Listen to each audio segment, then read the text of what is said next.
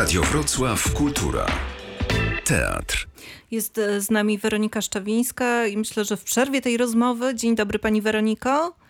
Spe Dzień dobry. Specjalnie dla Pani moglibyśmy puścić taką piosenkę Lubię Wrony e, Wojciecha Młynarskiego. Ja myślałem bardziej o Bird on a Wire, Leonarda Cohena. Ale to właśnie Wrony e, Pani Weronika obserwuje i zastanawiam się, co te Wrony porabiają teraz w czas pandemii. Czy ten materiał do obserwacji jest bogatszy? No niestety nie jest bogatszy, ponieważ zamknięto parki, więc wrony można obserwować tylko przebiegając chaszczami na obrzeżach parków, realizując swoje niezbędne potrzeby życiowe w postaci spaceru.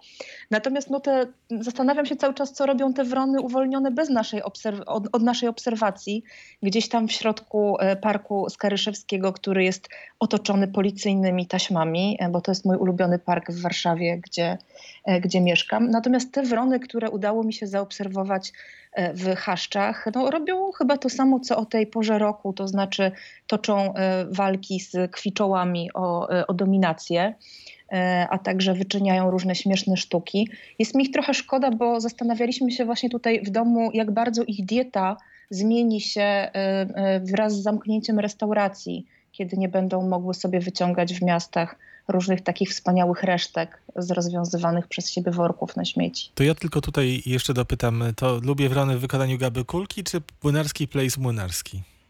Myślę, że Gaba Kulka. Gaba Kulka. To Gaba sobie poczeka w takim razie po tej pierwszej części naszej rozmowy. E, to pytanie też e, moje było między innymi o to, e, jak pani sądzi, jak bardzo zmieni się ten spektakl, nad którym pracę musiała pani przerwać wcześniej, bo po trzech próbach zaledwie. A jeszcze proszę nam zdradzić, jaki tytuł tego no spektaklu no będzie. Nad tym się e, No i to, e, prawdę mówiąc, to jest cały czas jedna z tych e, niespodzianek, bo na razie posługiwaliśmy się razem z teatrem tylko tytułem roboczym, który brzmi Miejski Ptasiarz i jest najbliższym, jak nam się wydawało, przełożeniem tytułu książki The Urban Birder Davida Lindo. E, brytyjskiego pisarza i, i birdwatchera, e, więc e, zostaliśmy cały czas na tytule roboczym. Na potrzeby naszej rozmowy będę mówiła o miejskim ptasiarzu. Może taki tytuł zostanie, może nie, zobaczymy. To jest jedna z wielu rzeczy zawieszonych przez pandemię. Tak, ale pytali Państwo, jak się ten spektakl może zmienić, tak?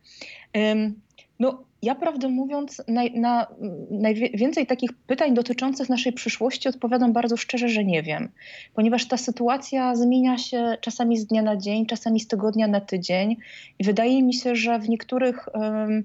W niektórych obszarach naszego życia może jest lepiej, żebyśmy się wyluzowali i po prostu nie starali się wymyślić czegoś za szybko, bo w ten sposób sobie zabieramy teraźniejszość, ale zabieramy też przyszłość, która pewnie będzie zupełnie odwrotna.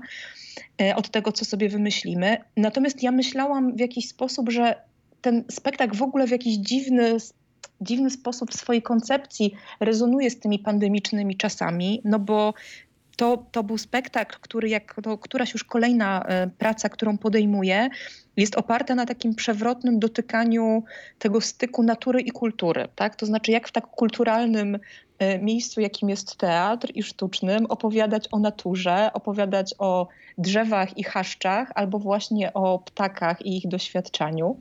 No i e, teraz ta natura jest czymś, co nam zabrano, tak? co nam zabrał wirus, ale też co nam zabrały bardzo obostrzające, wprowadzone dwa tygodnie temu przepisy zamykające parki i zamykające lasy. Nigdy nie sądziłam, że to będzie możliwe, a jednak.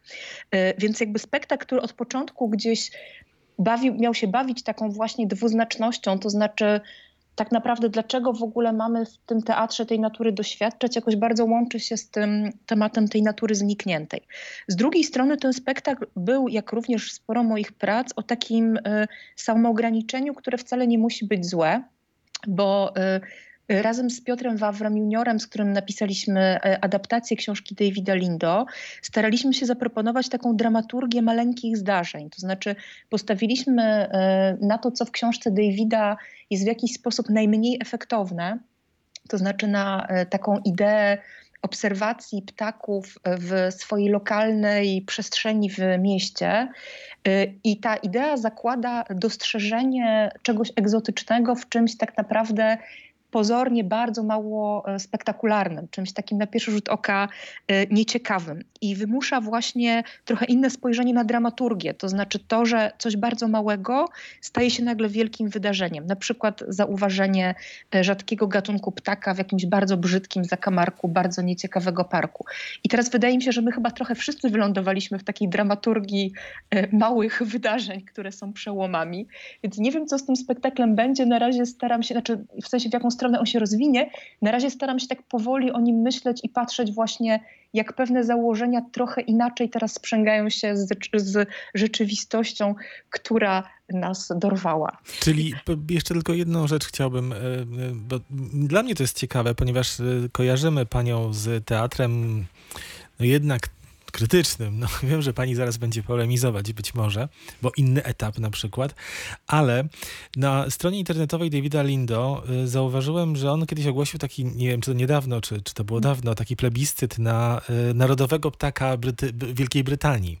Wygrał Drost tam na pierwszym miejscu. To było głosowanie widzów, publiczności, y, internautów. U nas, no, jak gdybyśmy nie ma sensu ogłaszać takiego plebiscytu, bo wiemy, co, jaki ptak jest narodowym ptakiem ptakiem Polski. Ale może chciałaby pani trochę zmienić ten ranking narodowych o, ptaków polskich. O, z, e, z, pewnością. To jest w ogóle ciekawe, e, ciekawe też, że Państwo od razu się odnieśli do tego problemu narodowego ptaka, że tak powiem. E, my to mieliśmy w scenariuszu troszeczkę zaznaczone, ponieważ książka Davida jest w oczywisty sposób nie tylko o naturze, ale też o ludziach postrzegających tę naturę, którą akurat nie są. I tam rzeczywiście jest taki jeden bardzo zabawny moment, który zatrzymaliśmy w scenariuszu, kiedy on jest bodajże w Kalifornii i pewna kobieta z grupy birdwatcherskiej nagle zaczyna protestować i mówić, że ptak, którego jej właśnie opisano, to nie jest żaden ptak wędrowny, tylko to jest amerykański ptak i koniec kropka. Więc jakby to zawłaszczanie ptaków, e, biorąc pod uwagę też, że ptaki najczęściej są, proszę mi wybaczyć słowo, migrantami, e, czyli no po polsku raczej powiedzieliśmy ptaki wędrowne, po angielsku to słowo migrant jakby ma, obydw, ma takie samo znaczenie, czy no, takie samo brzmienie w obu przypadkach. Więc tutaj ta e, problem, te napięcia pomiędzy awifauną a narodowością robią się bardzo ciekawe.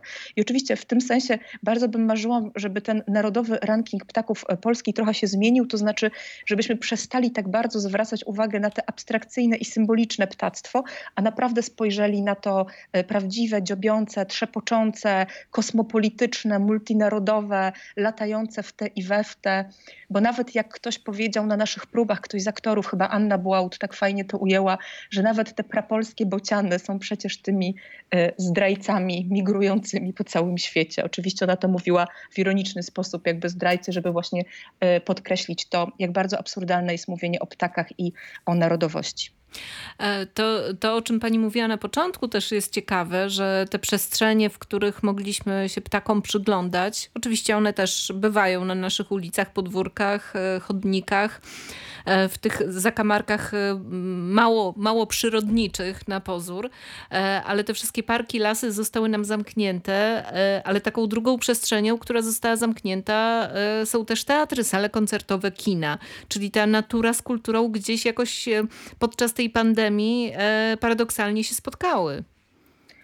Tak, to jest fascynujący wątek. Rzeczywiście, że, że teraz to są wszystko zamknięte, że to są zamknięte przestrzenie, no w których, tylko że chyba w tych teatralnych, kulturalnych wydaje mi się, że jednakowoż panuje pustka, natomiast w tych zamkniętych lasach i parkach na pewno buzuje jakieś życie, które się właśnie nami trochę nie przejmuje, tylko to my e, za nimi tęsknimy.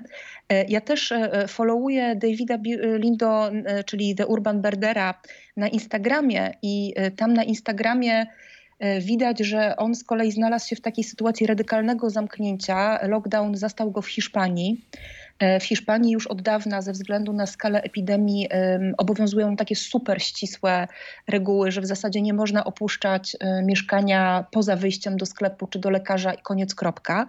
I e, jakby niesamowite jest to, że w tych warunkach David cały czas jakby prezentuje, jak można uprawiać to ptasiarstwo, jak można być birdwatcherem, kiedy ma się tylko lornetkę i jakiś taki rozpaczliwy taras wychodzący na okna innego budynku.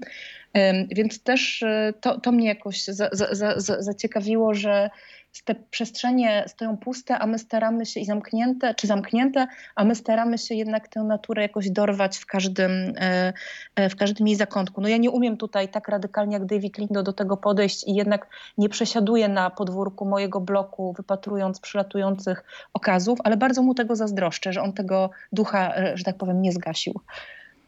To teraz może te wrony e, od Gaby Kulki. Ja tutaj tylko uściślę, bo to ten Robin e, angielski to jest z drozdowatych, e, ale to jest jednak rudzik, To jest rudzik, A nie- tak, a nie rudzik. więc bądźmy tutaj tak ściśli i mam taką informację, że w niewoli żyje 13 miesięcy, a tak w sumie no to w, w niewoli i, i, i w woli, że tak powiem, e, te 13 miesięcy, ale też może do dwóch lat maksymalnie żyć, jeśli to ma jakieś znaczenie.